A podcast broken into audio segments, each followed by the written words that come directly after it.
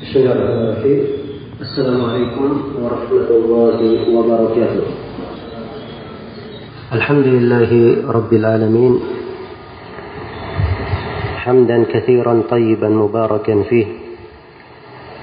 وأشهد أن لا إله إلا الله وحده لا شريك له. شهادة أرجو بها النجاة يوم الدين. وأشهد أن محمدا عبده ورسوله. سيد الأنبياء والمرسلين صلى الله عليه وعلى آله وصحبه ومن تبعهم بإحسان إلى يوم الدين أما بعد Bapak-bapak, ibu-ibu, saudara-saudari kaum muslimin dan muslimat, jemaah salat subuh yang saya hormati dan saya muliakan.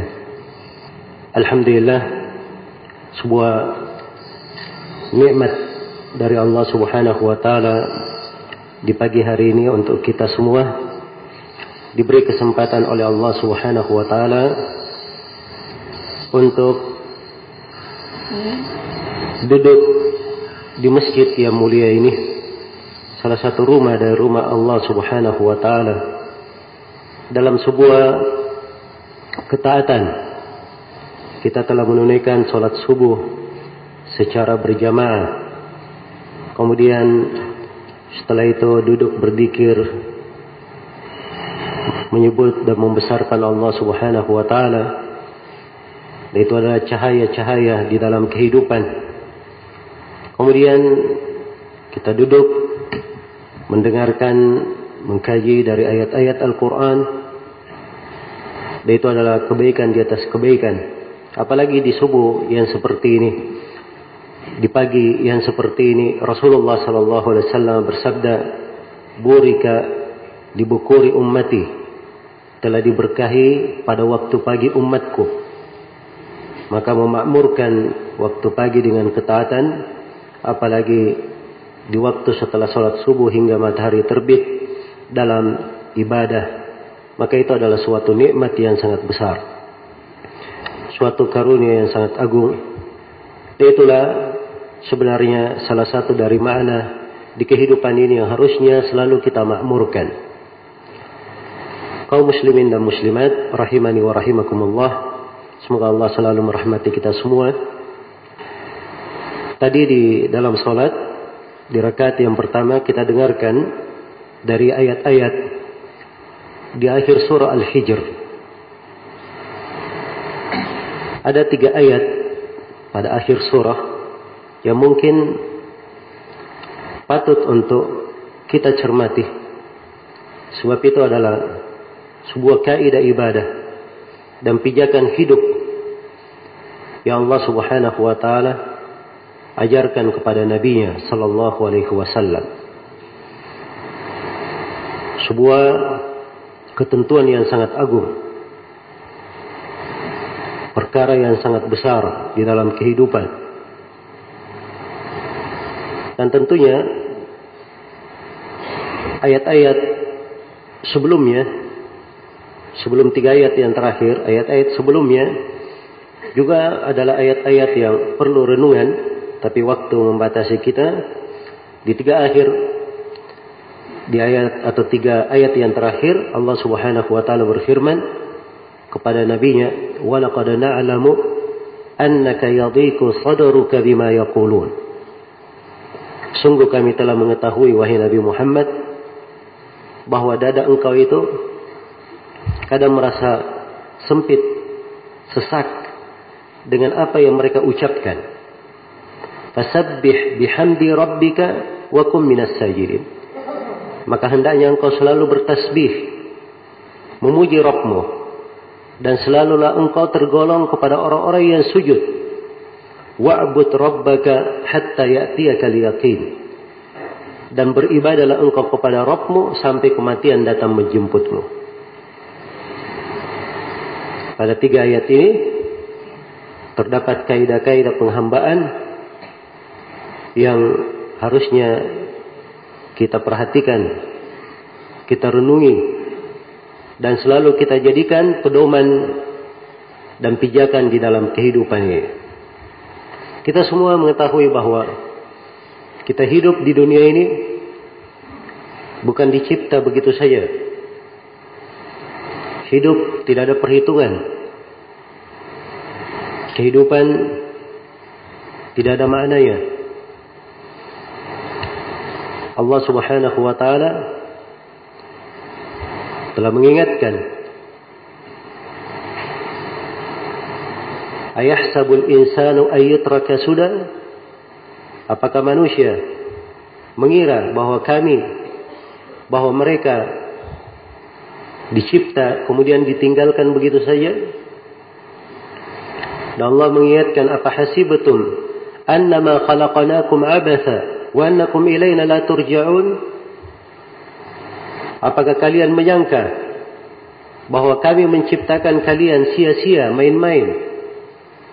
Kemudian kalian tidak akan kembali kepada kami? Hidup ini ada tujuannya.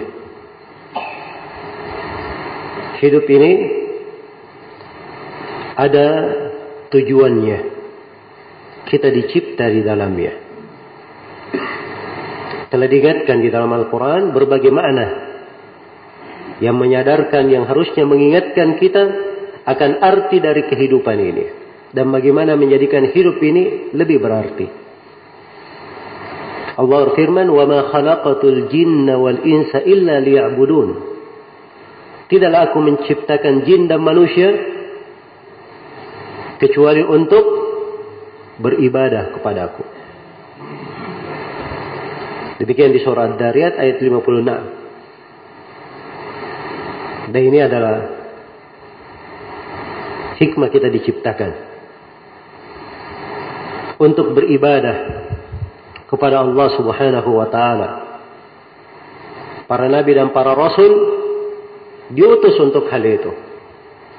Walaqad ba'atna fi kulli ummatin rasula an i'budu Allah wajtanibut tagut. Sungguh kami telah mengutus pada setiap umat seorang rasul agar supaya mereka menyuruhkan kepada umatnya beribadahlah kalian kepada Allah dan jauhilah tagut dan dijadikan kesempurnaan pada seorang hamba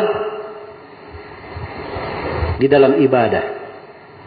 Semakin hamba ini sempurna di dalam ibadah kepada Allah, maka akan semakin sempurna keadaannya, akan lebih tinggi derajatnya. Setiap kali dia lebih dekat kepada Rabbnya,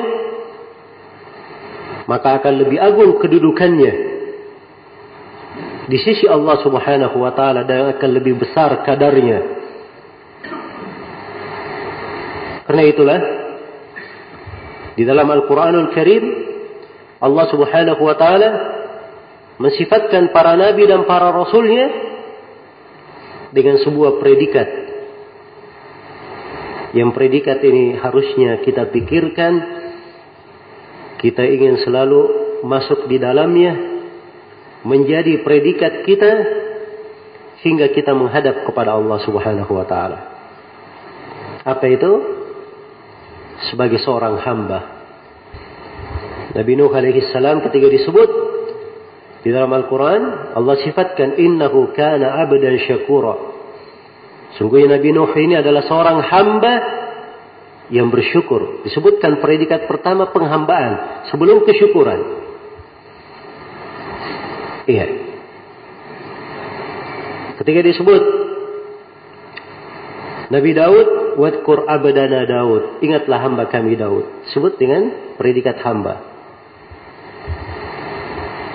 Ketika disebut Nabi Sulaiman, Allah firman ni'mal abdu, sebaik-baik hamba. Ketika disebut Nabi Ayub, wadkur abadana Ayub. Ingatlah hamba kami Ayub. Ini banyak ya di dalam Al-Quran. Dan Nabi kita Nabi Muhammad sallallahu alaihi wasallam Sayyidul Anbiya'i wal Mursalin, pemimpin para nabi dan para rasul. Sifat beliau yang teragung di dalam Al-Quran adalah sifat sebagai seorang hamba. Di posisi-posisi agung, Allah terangkan kedudukan beliau sebagai seorang hamba. Di peristiwa Isra Allah berfirman subhanalladzi asra bi abdihi Maha suci Allah yang memperjalankan hambanya disebut dengan predikat hamba. Di posisi ketika diterangkan nikmat Al-Quran. Juga disebut dengan sifat hamba. Alhamdulillahilladzi anzala ala abdihi al-kitaba. Walam yaj'al lahu iwaja. Segala puji hanya untuk Allah. Yang menurunkan kepada hambanya, Nabi Muhammad, Al-Kitab. Disebut dengan predikat hamba. Di posisi dakwah di jalan Allah. Subhanahu wa ta'ala. Allah firman tentang Nabinya wa annahu lamma qama abdullah yad'u dan sesungguhnya ketika hamba Allah berdiri berdakwah disebut dengan predikat hamba maka tidak ada yang lebih mulia untuk seorang muslim dan muslimah melebihi kondisi dia sebagai hamba Allah Subhanahu wa taala. Iya. Dan di sinilah manusia berjenjang. Di sinilah manusia berbeda-beda tingkatan dan kedudukannya di dalam penghambaan kepada Allah Subhanahu wa taala. Maka di ayat-ayat yang mulia ini dijelaskan bagaimana harusnya seorang itu di dalam memperbaiki penghambaannya kepada Allah Subhanahu wa taala. Tiga ayat di akhir surah Al-Hijr. Iya. Surah Al-Hijr, surah yang keberapa dalam Al-Quran? Hah? Surah yang ke-15 dalam Al-Quran. Dibuka saja surah Al-Hijr, surah yang ke-15 kita membahas tiga ayat yang terakhir. Allah firman, وَلَقَدْ نَعْلَمُ أَنَّكَ يَضِيكُ صَدَرُكَ بِمَا يَقُولُونَ Sungguh kami telah mengetahui bahwa dada engkau itu Nabi Muhammad kadang sesak, sempit terhadap apa yang mereka ucapkan. Iya. Ini ayat-ayat di surah Al-Hijr ini adalah pengukuhan terhadap nabinya. Terhadap apa yang diucapkan oleh kaum musyrikin, penentangan mereka. Apa yang mereka ucapkan terhadap nabinya, itu kadang membuat dada beliau menjadi sesak. Dan itu wajar. Di dalam kehidupan seorang mendengarkan terhadap dirinya apa yang dia bawa, apa yang dia kini, padahal dia sangat semangat manusia itu mendapat hidayah. Sangat semangat manusia mendapat petunjuk.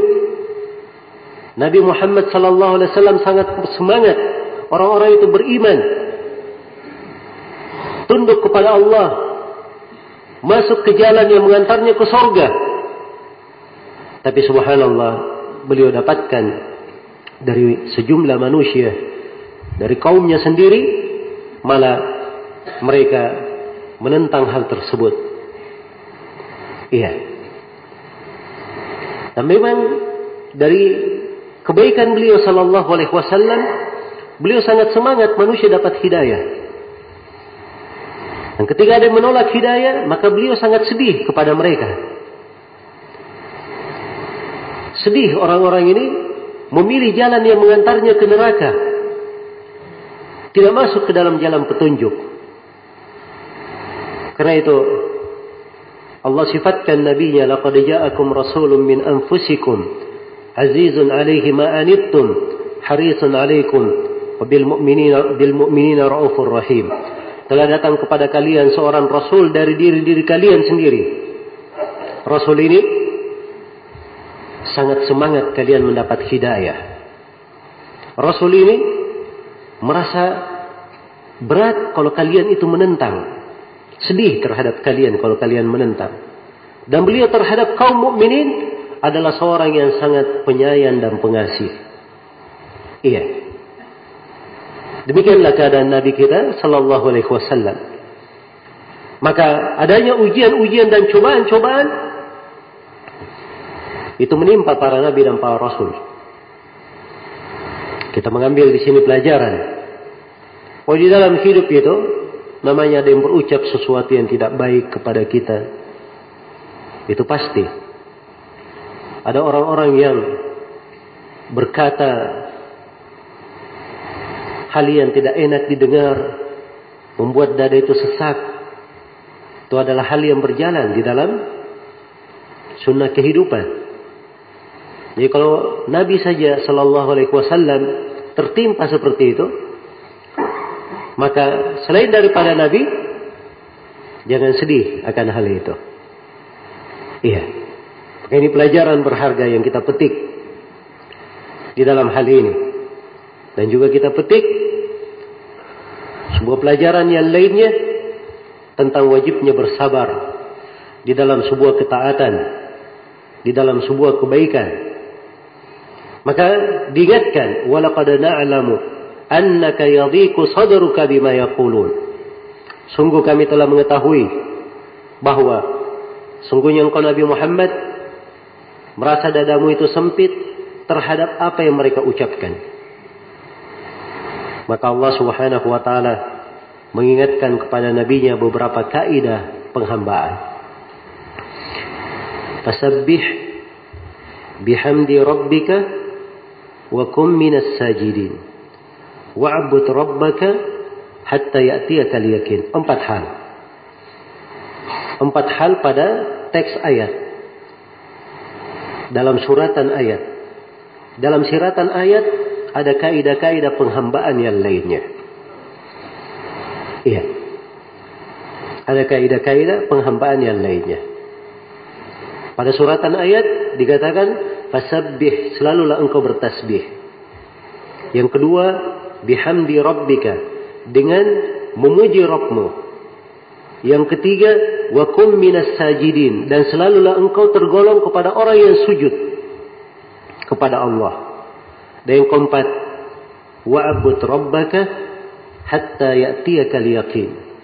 Selalulah engkau beribadah kepada Rabbmu, kepada Allah sampai kematian datang menjemputmu.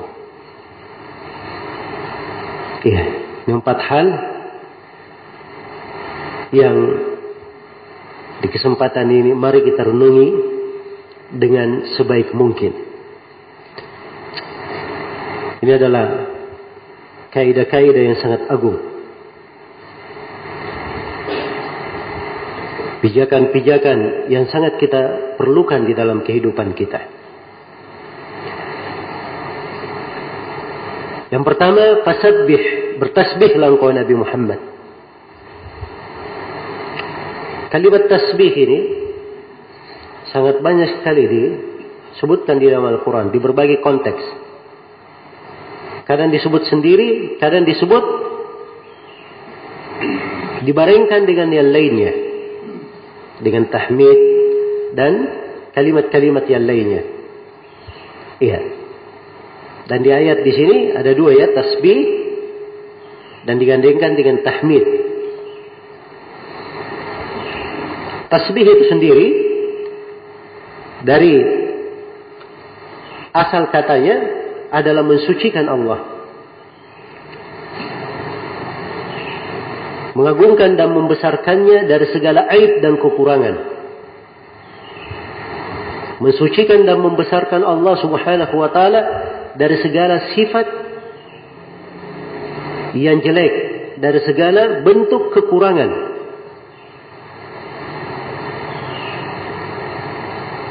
Dan tasbih itu sendiri Memang di dalam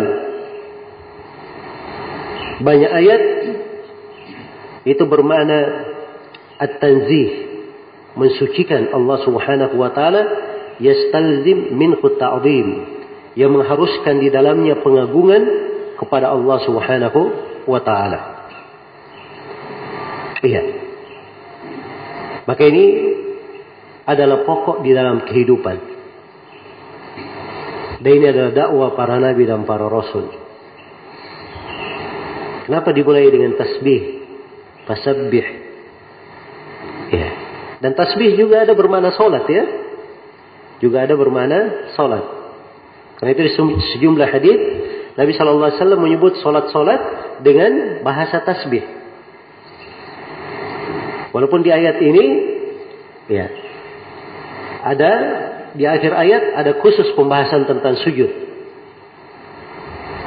Yang menunjukkan bahwa tasbih di sini yang diinginkan dengannya adalah makna mensucikan Allah Subhanahu wa taala, mentauhidkannya, memurnikan ibadah hanya kepadanya dan berlepas diri dari segala bentuk kesyirikan. Iya. Dan ini adalah jalannya para nabi dan para rasul. Karena itu di akhir surah As-Saffat Allah Subhanahu wa taala berfirman subhana rabbika rabbil izzati amma yasifun wa salamun alal mursalin walhamdulillahi rabbil alamin. Maha suci Rabbmu hai Nabi Muhammad Rabbul Izzah Rabb yang memiliki segala keperkasaan segala kekuasaan dan kekuatan. Maha suci Rabbmu wahai Nabi Muhammad dari segala kejelekan yang mereka ucapkan. Wassalamun alal mursalin. Dan keselamatan terhadap para rasul. Walhamdulillahi Rabbil Alamin. Dan pujian, segala puji hanya untuk Allah Rabbul Alamin. Ini akhir dari surah Safat ada semakna dengan ayat yang sedang kita jelaskan sekarang. Iya. Ketika Rasulullah sallallahu alaihi wasallam diperintah oleh Allah, "Qul hadhihi sabili ad'u ila Allah ala basirah." ana wa man ittaba'ani wa subhanallah wa ma ana minal musyrikin. Katakanlah wahai Nabi Muhammad, sesungguhnya ini adalah jalanku. Islam ini adalah jalanku. Jalan saya dan orang-orang yang mengikutiku. Ala basirah. Di atas ilmu. Di atas petunjuk. Ya. Kemudian Nabinya diperintah untuk berkata wa subhanallah, maha suci Allah. Dan saya tidak pernah tergolong kepada orang yang berbuat kesyirikan. Maka bertasbih, mengagungkan dan mensucikan Allah Subhanahu wa taala ini adalah jalannya para nabi dan para rasul. Iya. Karena itu tasbih dengan maknanya yang luas Masuk di dalamnya dari pokok pertama adalah memurnikan ibadah hanya untuk Allah Subhanahu wa taala dan mensucikan Allah Subhanahu wa taala dari segala bentuk kesyirikan, segala aib dan kekurangan.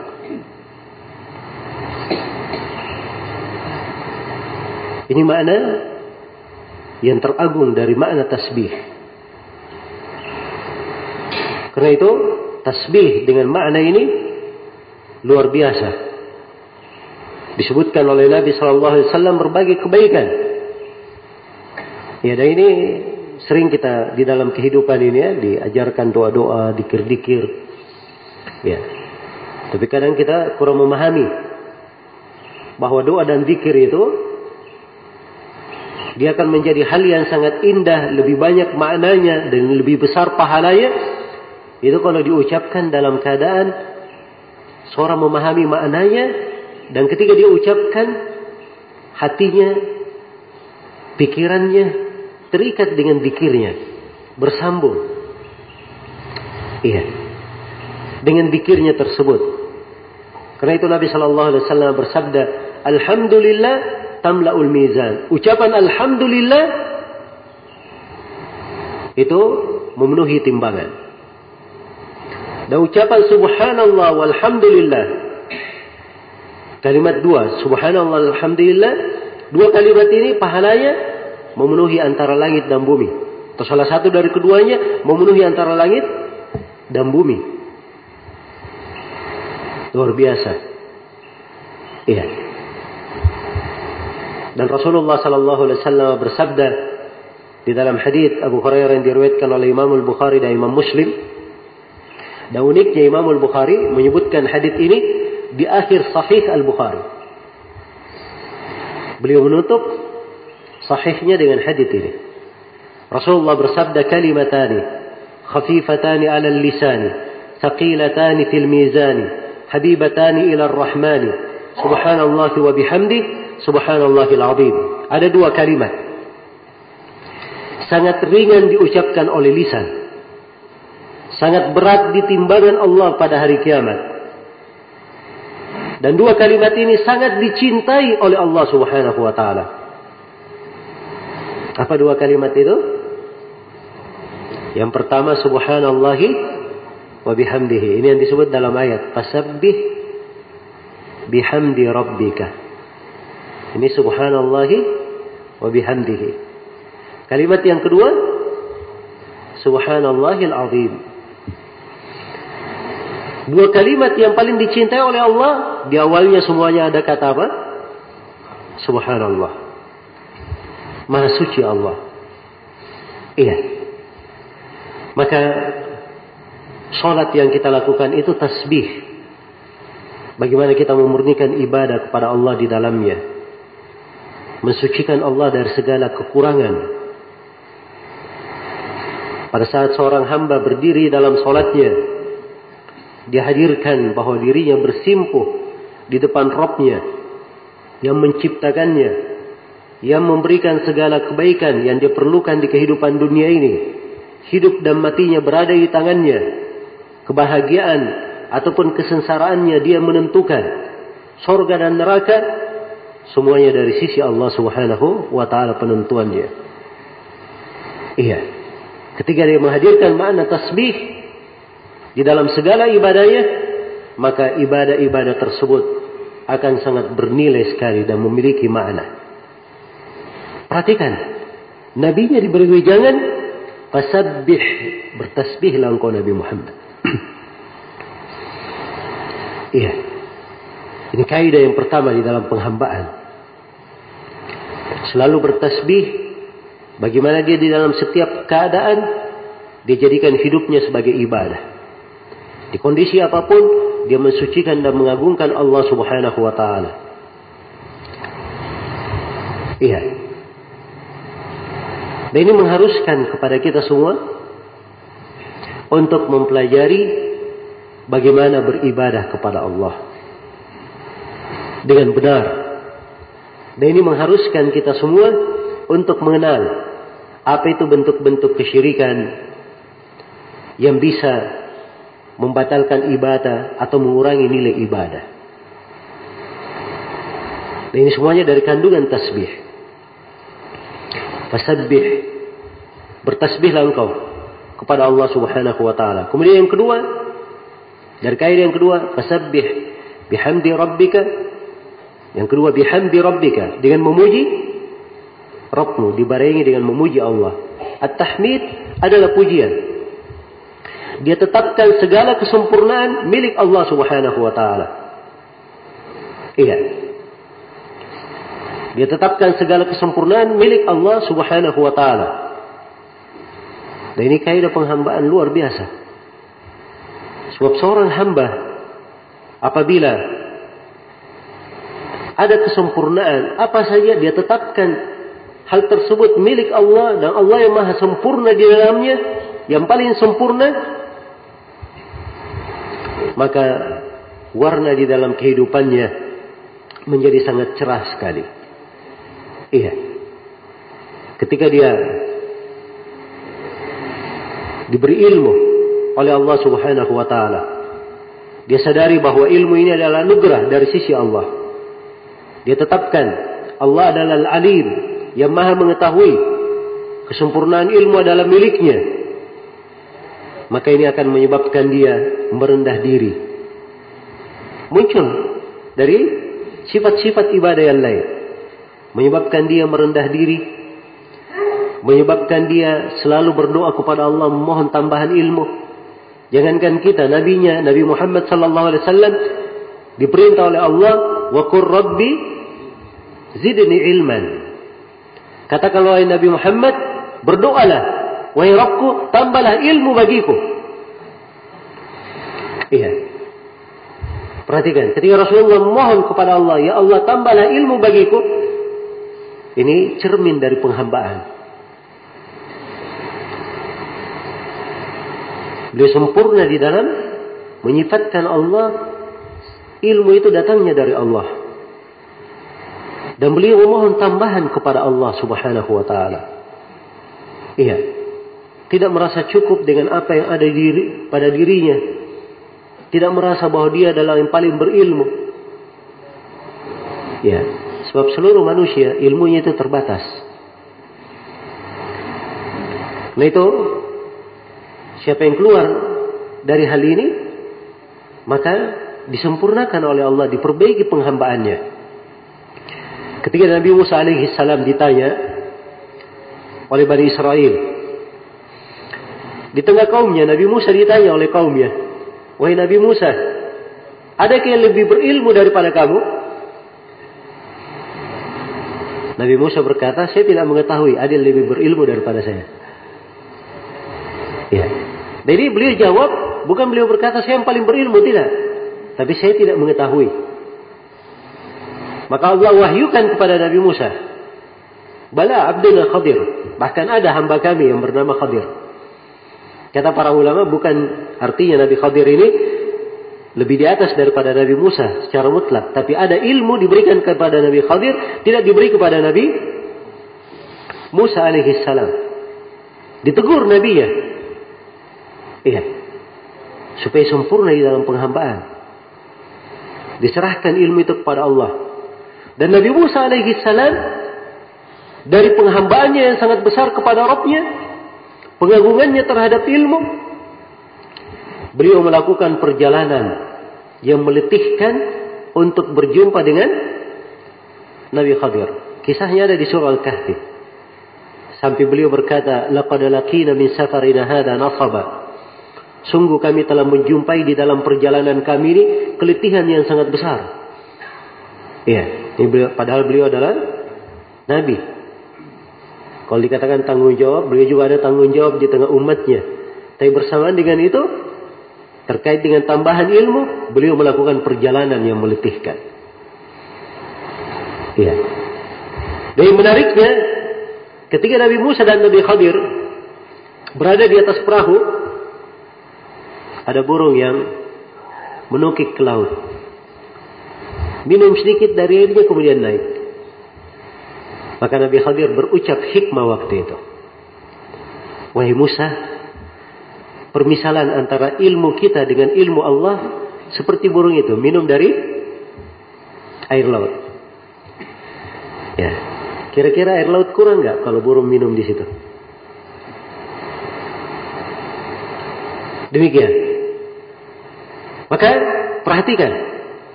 Tatkala seorang mengenal tasbih kepada Allah, tahmid, memuji Allah, bahwa segala kesempurnaan milik Allah. Ini kita beri contoh di bab ilmu tadi ya. Maka akan sempurna penghambaan di perkara apa saja. Dalam mensyukuri nikmat. Ya, tatkala dia mendapat anugerah suatu nikmat dari Allah dia sadari bahwa nikmat ini adalah milik Allah. Allah yang memberi nikmat. Maka dia pun selalu memohon kepada Allah tambahan nikmat. Dia menegakkan kesyukurannya agar supaya nikmatnya dijaga. Sebab nikmat itu terjaga dengan apa? Dengan disyukuri.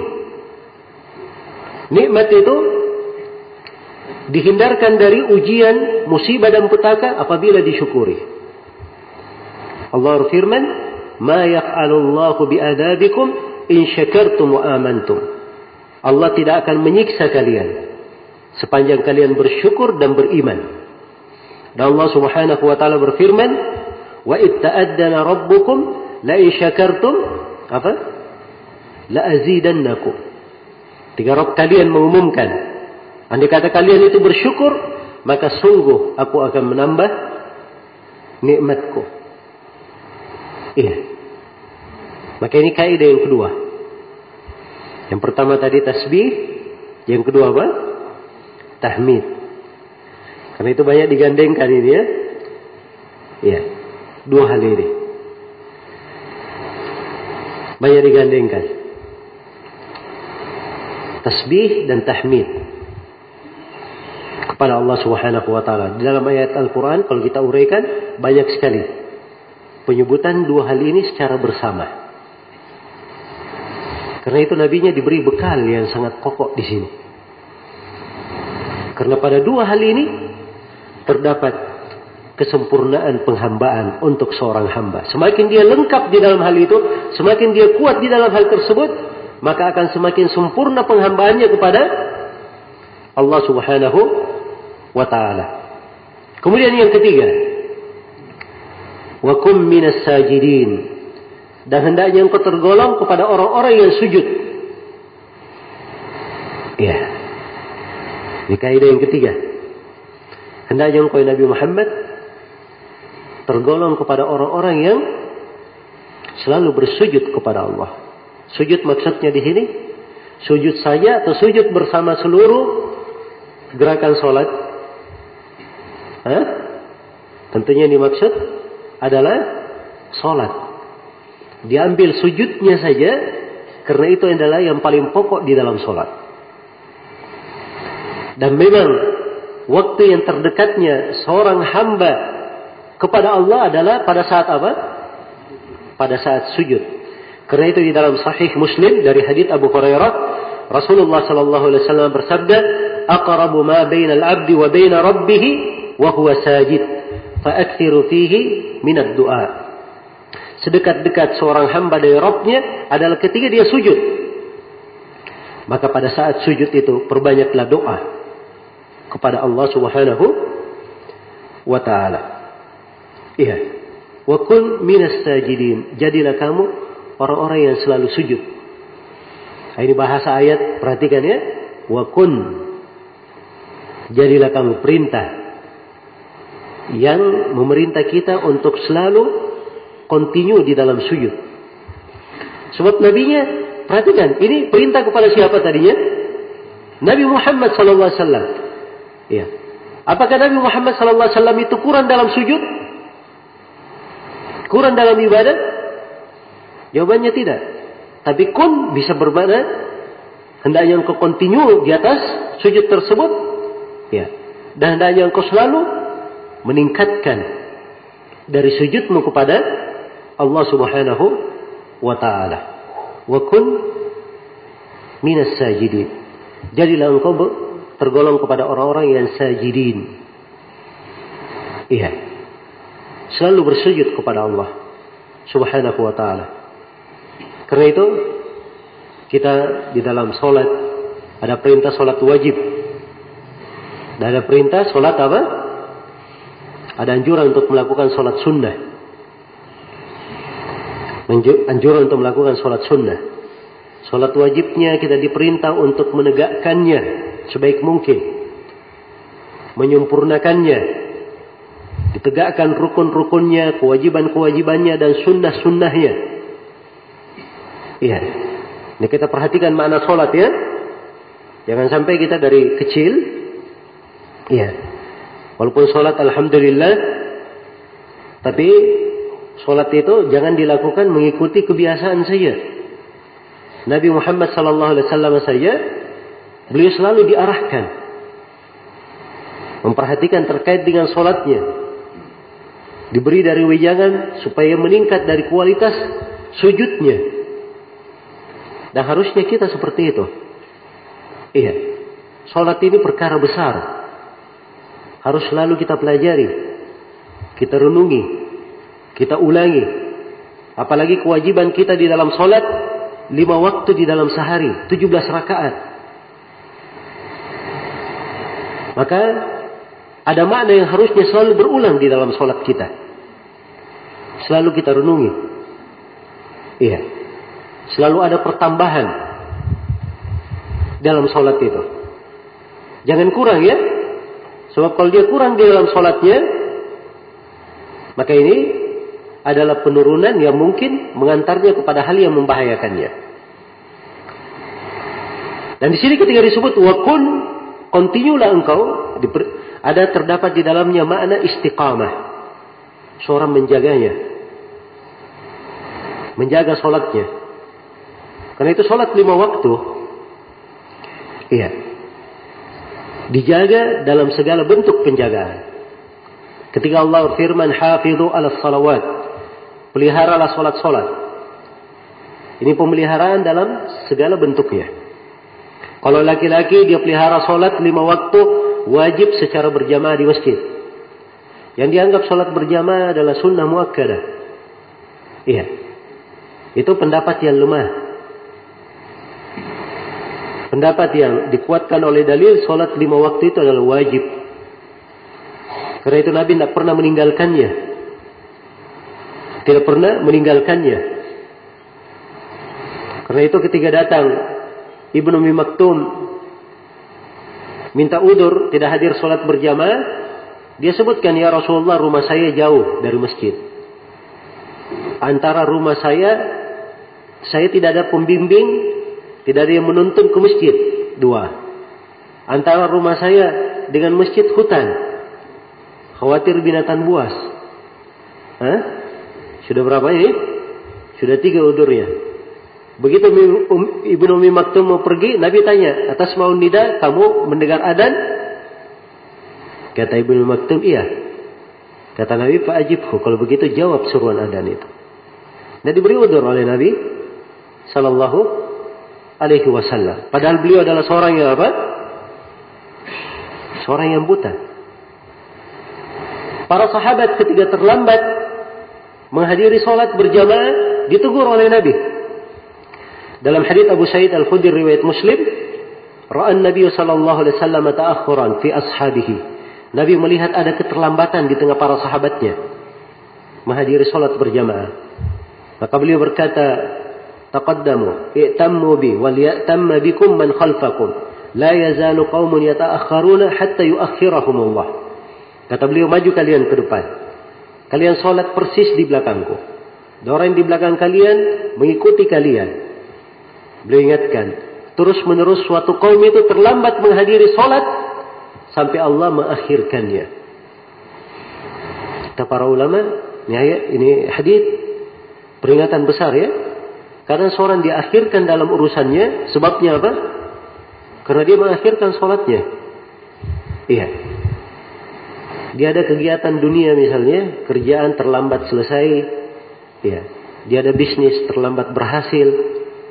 Ya. Dia mungkin mau menikah, terlambat dapat jodoh. Sebabnya karena apa? Ya. Sebabnya karena terlambat menghadiri sholat. Iya. Ada sebagian dari kaum muslimin terkenal sebagai ahli rakaat terakhir. Ya, sebab kalau datang sholat biasanya rakaat terakhir baru dia muncul. Ya. Walaupun ini lebih mending ya daripada yang tidak pernah hadir sholat berjamaah. Ya bagaimana pula kalau dia tidak sholat. Subhanallah. Ini terlambat saya seperti itu teguran Nabi Sallallahu Alaihi Wasallam.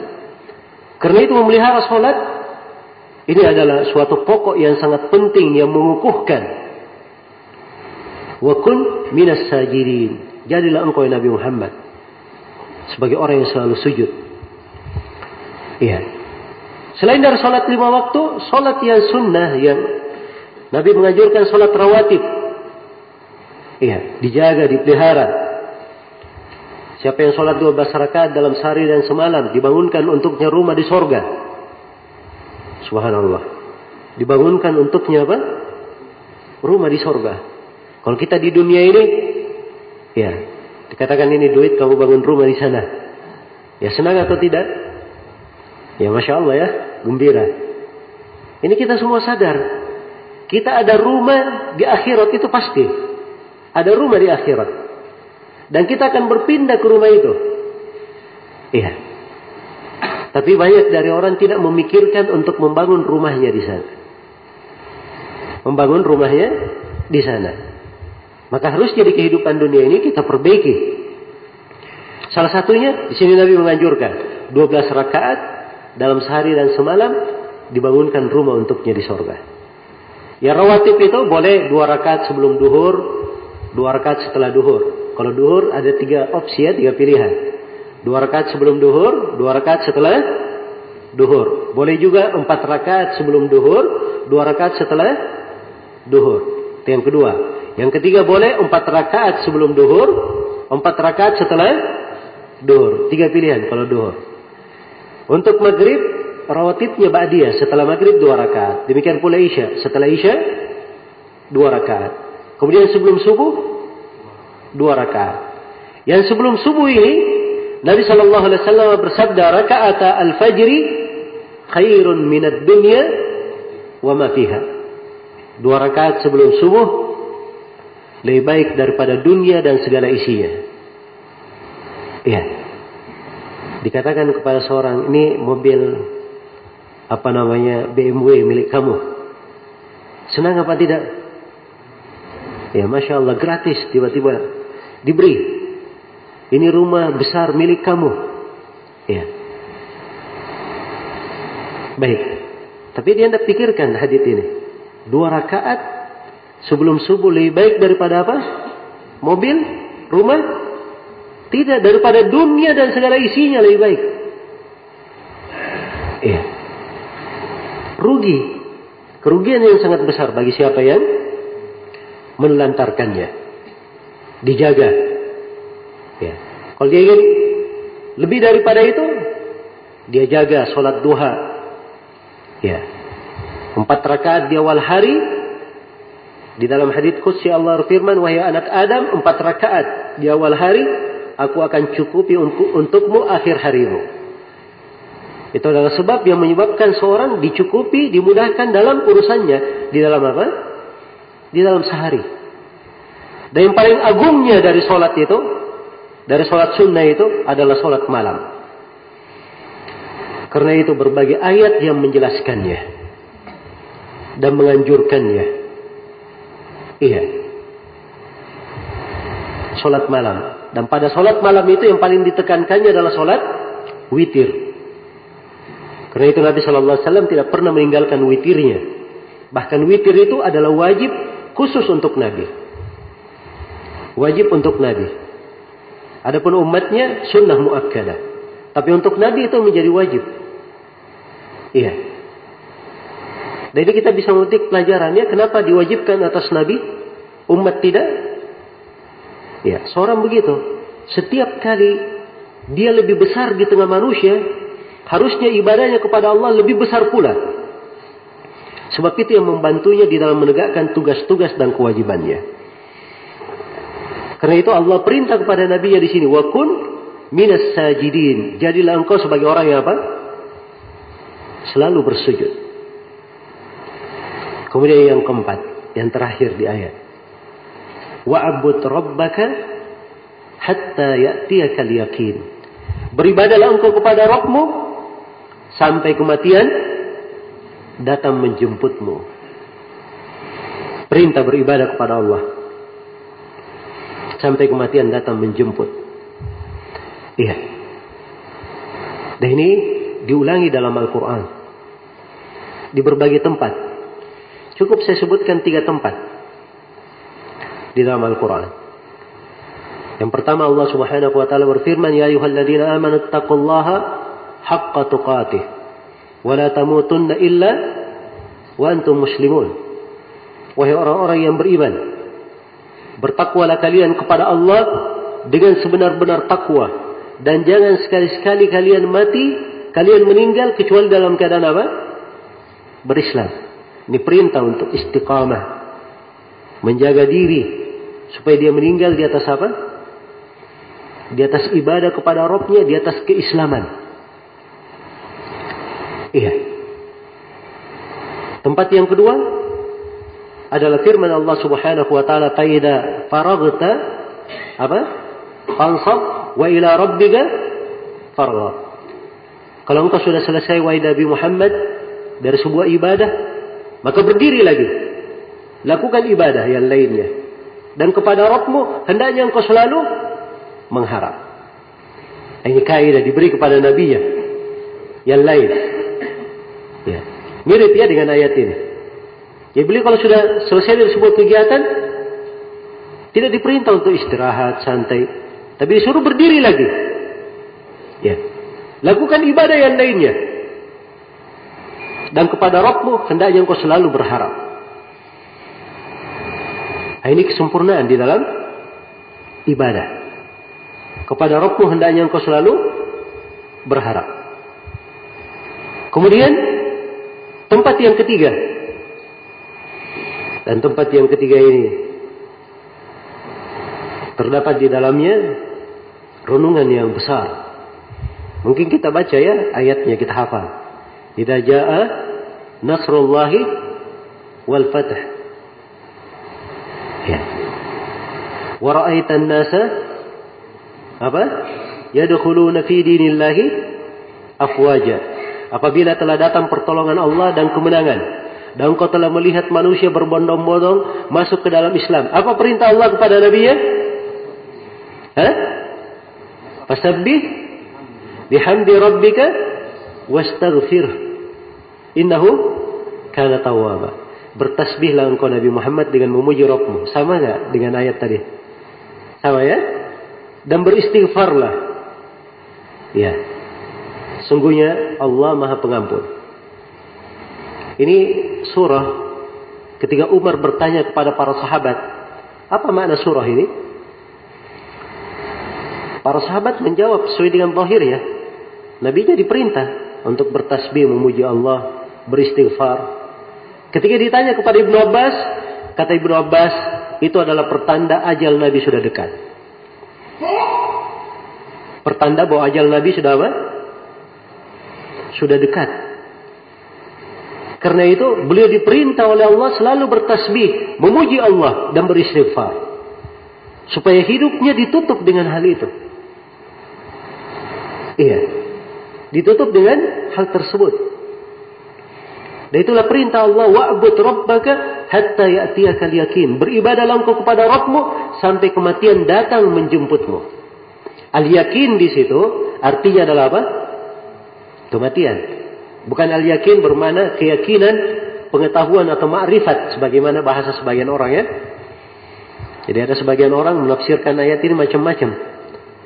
Ya, kamu beribadah kepada Allah sampai datang yakin. Maksudnya yakin itu sampai kamu di tingkatan ma'rifat katanya.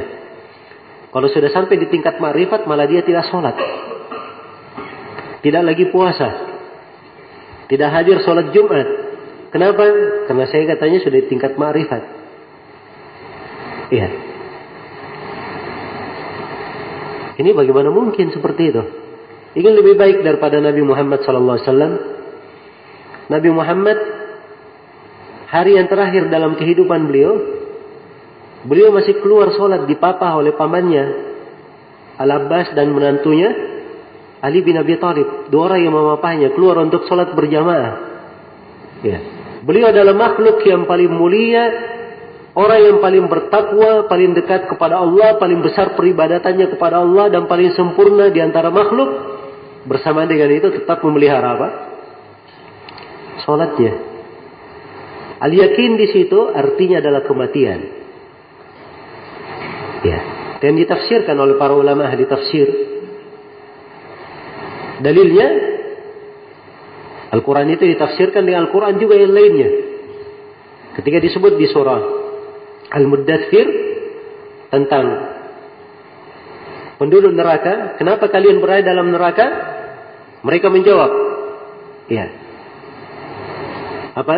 Masalakakum fi saqar qalu lam nakum minal musallin wa lam nakun nut'imul miskin wa kunna nukadzibu biyaumiddin hatta atana al-yaqin jadi akhirnya katanya kami dulu tidak pernah sholat. Kami tidak pernah memberi makan orang miskin. Kami selalu mendustakan. Sampai yakin datang kepada kami. Yakin apa ini? Tidak mungkin orang kafir punya makrifat. Hah? punya pengetahuan tapi di sini sampai kematian datang menjemput.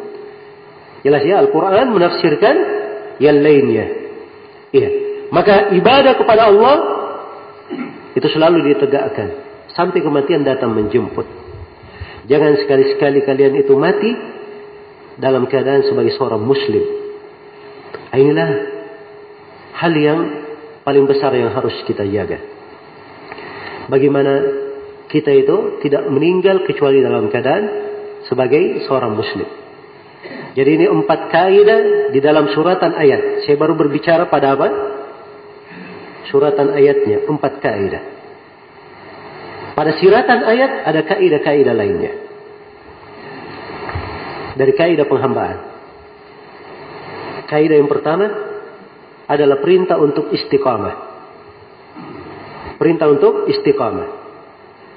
Selalu istiqamah di atas perkara. Iya. Dan istiqamah itu dia lurus di atas jalan, tidak ke kanan, tidak ke kiri. Ya. Dia selalu berjalan sesuai dengan apa yang diperintah. Dan ini adalah perintah besar kepada nabinya dan kepada umat ini. Fastaqim kama umirta wa man taba ma'aka. Istiqamalah engkau ya Nabi Muhammad sebagaimana engkau diperintah, demikian pula orang-orang yang bertobat bersama engkau. Kemudian di dalam ayat ini juga ada kaidah yang lainnya.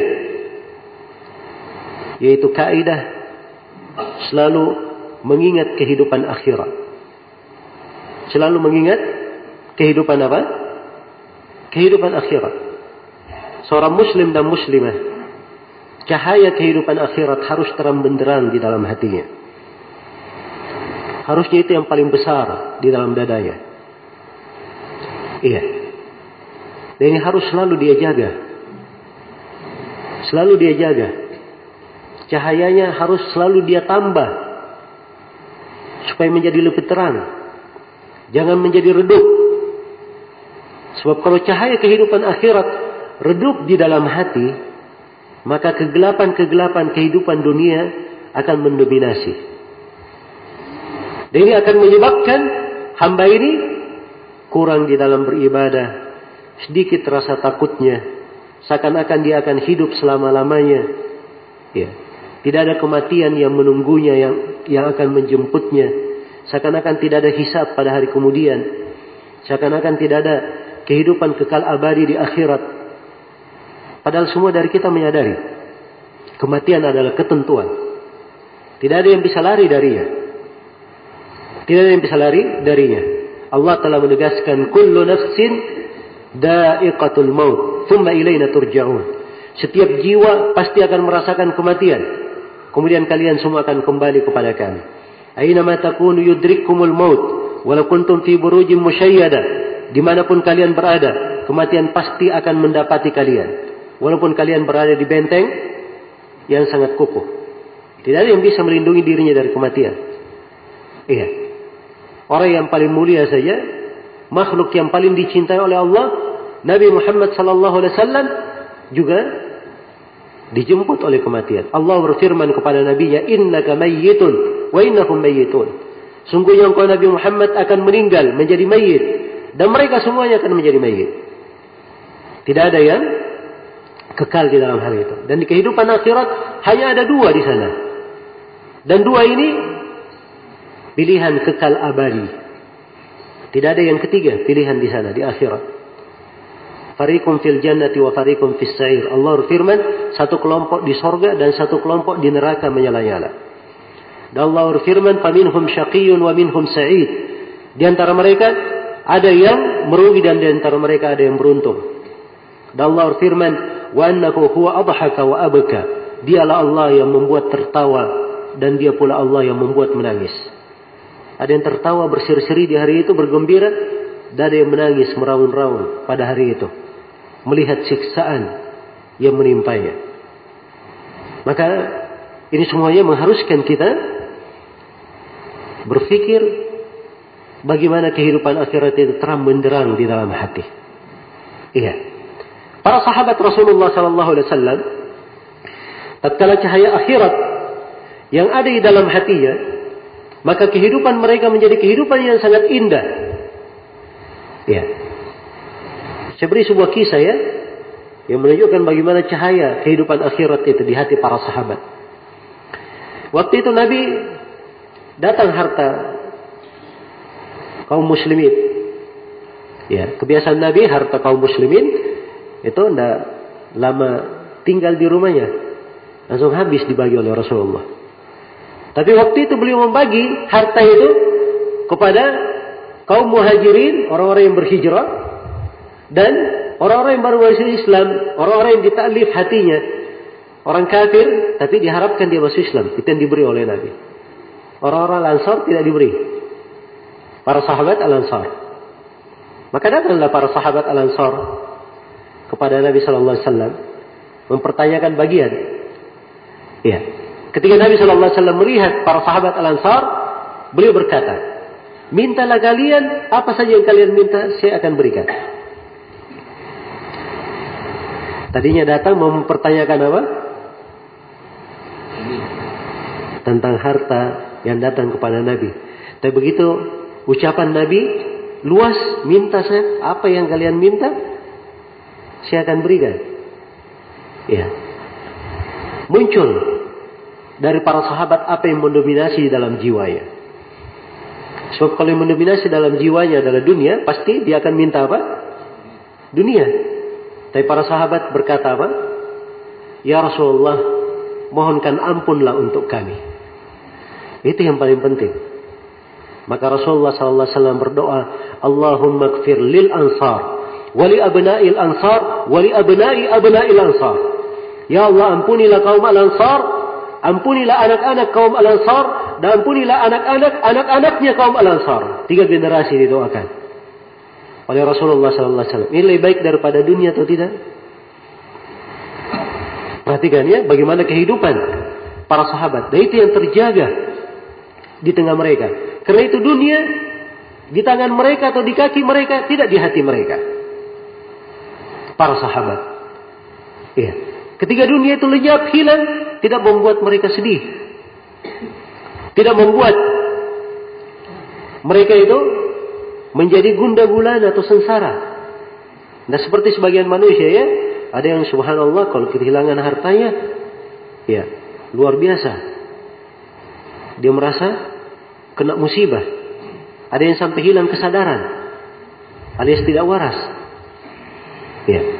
Dan ini semuanya karena lekatnya kehidupan dunia itu di dalam hati. Cahaya akhiratnya redup. Tapi kapan kehidupan akhirat lebih besar di dalam hatinya, maka ini akan memperbaiki dari keadaannya memperbaiki dari keadaannya. Kemudian di dalam ayat ini juga dari kaidah penghambaan yang hendaknya selalu kita perhatikan, iya,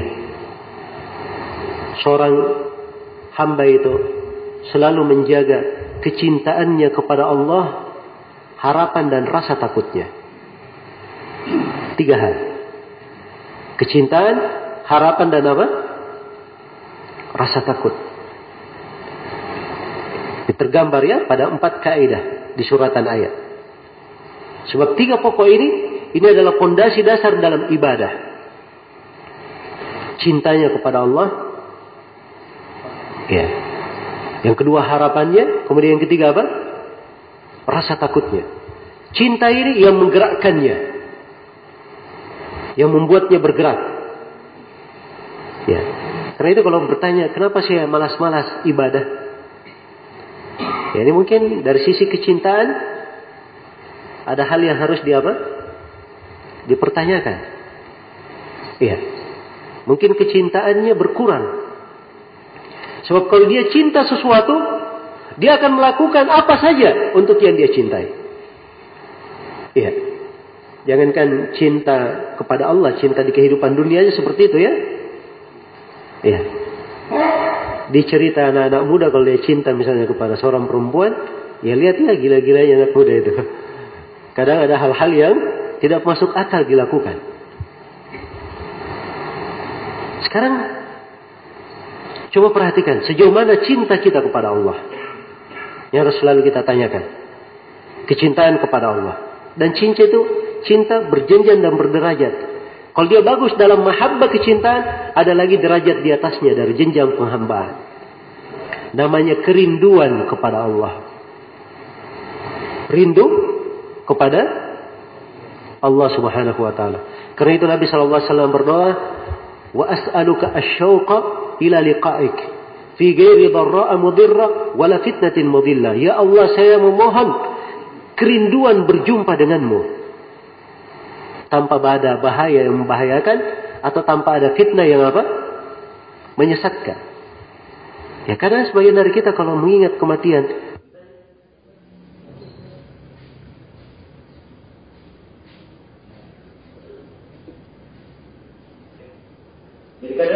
Seorang kalau ditanya kepadanya kamu sudah mau mati?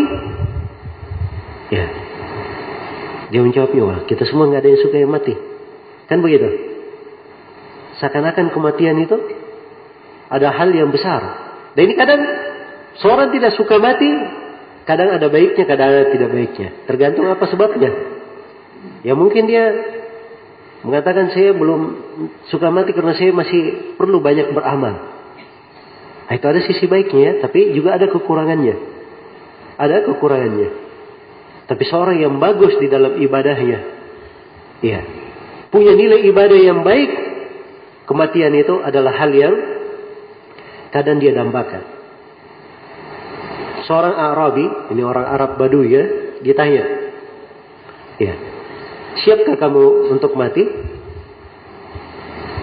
Kata Arab ini saya di dunia ini diberi nikmat oleh Allah. Nikmat itu berada di tangannya.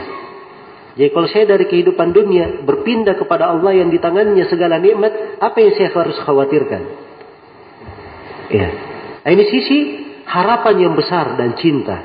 Perhatikannya itu mewarnai pemikiran. Mewarnai pemikiran. Jadi seorang apabila dia rindu kepada Robnya, dia cinta dalam beribadah. Karena itu wajar ya kita dengarkan. Sebagian dari as-salaf, Masya Allah, 40 tahun tidak pernah ketinggalan takbiratul ihram di masjid. Said bin Musayyab berkata, saya sudah 20 tahun mendengarkan adan di masjid dari dalam masjid. Hah? Jadi adannya bukan dia dengar di mana? Di luar. Jadi kalau dia dengar dari dalam masjid, kapan dia hadir? Sebelum adzan dia sudah di masjid. Iya. Dan ini pengamalan ya satu hadis mereka amalkan. Karena Rasulullah SAW pernah bersabda, "Man adraka takbiratal imam, man adraka takbira takbiratal ihram mal imam arba'ina lailah kutibat lahu bara'atan. Bara'atun minan nifaq wa bara'atun minan nar." Siapa yang mendapatkan 40 kali takbiratul ihram bersama imam, maka akan ditulis untuknya dua pembebasan. Selama 40 malam ya. 40 hari 40 malam dia dapatkan apa? Takbirah bersama imam. Iya, takbiratul ihram. Bukan 40 sholat ya. Kadang sebagian jemaah haji kita nggak paham dianggapnya 40 sholat. Karena itu di Medina 8 hari, 40 sholat katanya. Iya. Haditsnya itu 40 malam. Dan itu bukan dia sholatnya saja, tapi dia kejar apa? Takbiratul ihramnya tidak luput. Kalau dia jaga, maka kata Nabi ditulis untuknya dua pembebasan. Pembebasan yang pertama dia bebas dari kemunafikan. Sebab kaum munafikin kerjanya terlambat hadir sholat. Kalau datang sholat malas-malasan. Iya. Pembebasan yang kedua dibebaskan dari api neraka. Ini pengamalan terhadap satu hadis. Iya. Demikian. Maka ini ketika kecintaan baik, maka kecintaan ini akan mengarahkan kepada hal-hal yang sangat indah sekali dalam peribadatan kepada Allah. Demikian pula harapan. Harapan ini penuntun. Iya. Jadi kalau sudah cinta bergerak, bergerak itu ke mana? Ini harapan yang mengarahkannya. Ya. Harapan yang mengharapkannya. Roja. Dan yang ketiga adalah al-khawf, rasa takut. Ibarat orang yang berjalan ya. Kecintaan yang menggerakkannya, harapan yang menuntunnya di depan. Rasa takut itu yang menghardiknya dari belakang. Supaya dia apa? Terus berjalan. Ini tiga sifat hendaknya dimiliki oleh seorang ahli ibadah supaya baik penghambanya kepada Allah. Kemudian yang terakhir, ya sebenarnya berbicara tentang ayat ini dan kaidah-kaidah penghambaan banyak sekali ya, banyak sekali. Dan saya tutup di sini yang terakhir dan sebagai penutup dari kaidah juga ayat ini tersirat di dalamnya bagaimana seorang itu menjaga dirinya supaya bisa meraih husnul khatimah. Penutup yang baik. Dia jaga dirinya supaya meninggalnya dalam keadaan apa? Husnul khatimah. Iya. Seorang sangat berharap dia meninggal dalam posisi dia sholat. Masya Allah yang menutup kehidupannya adalah apa? Adalah dia sholat. Dan itu dilakukan oleh sebagian ulama. Ada yang meninggal pada saat dia sujud. Pada saat dia sholat. Ada yang meninggal dalam keadaan dia berpuasa. Iya.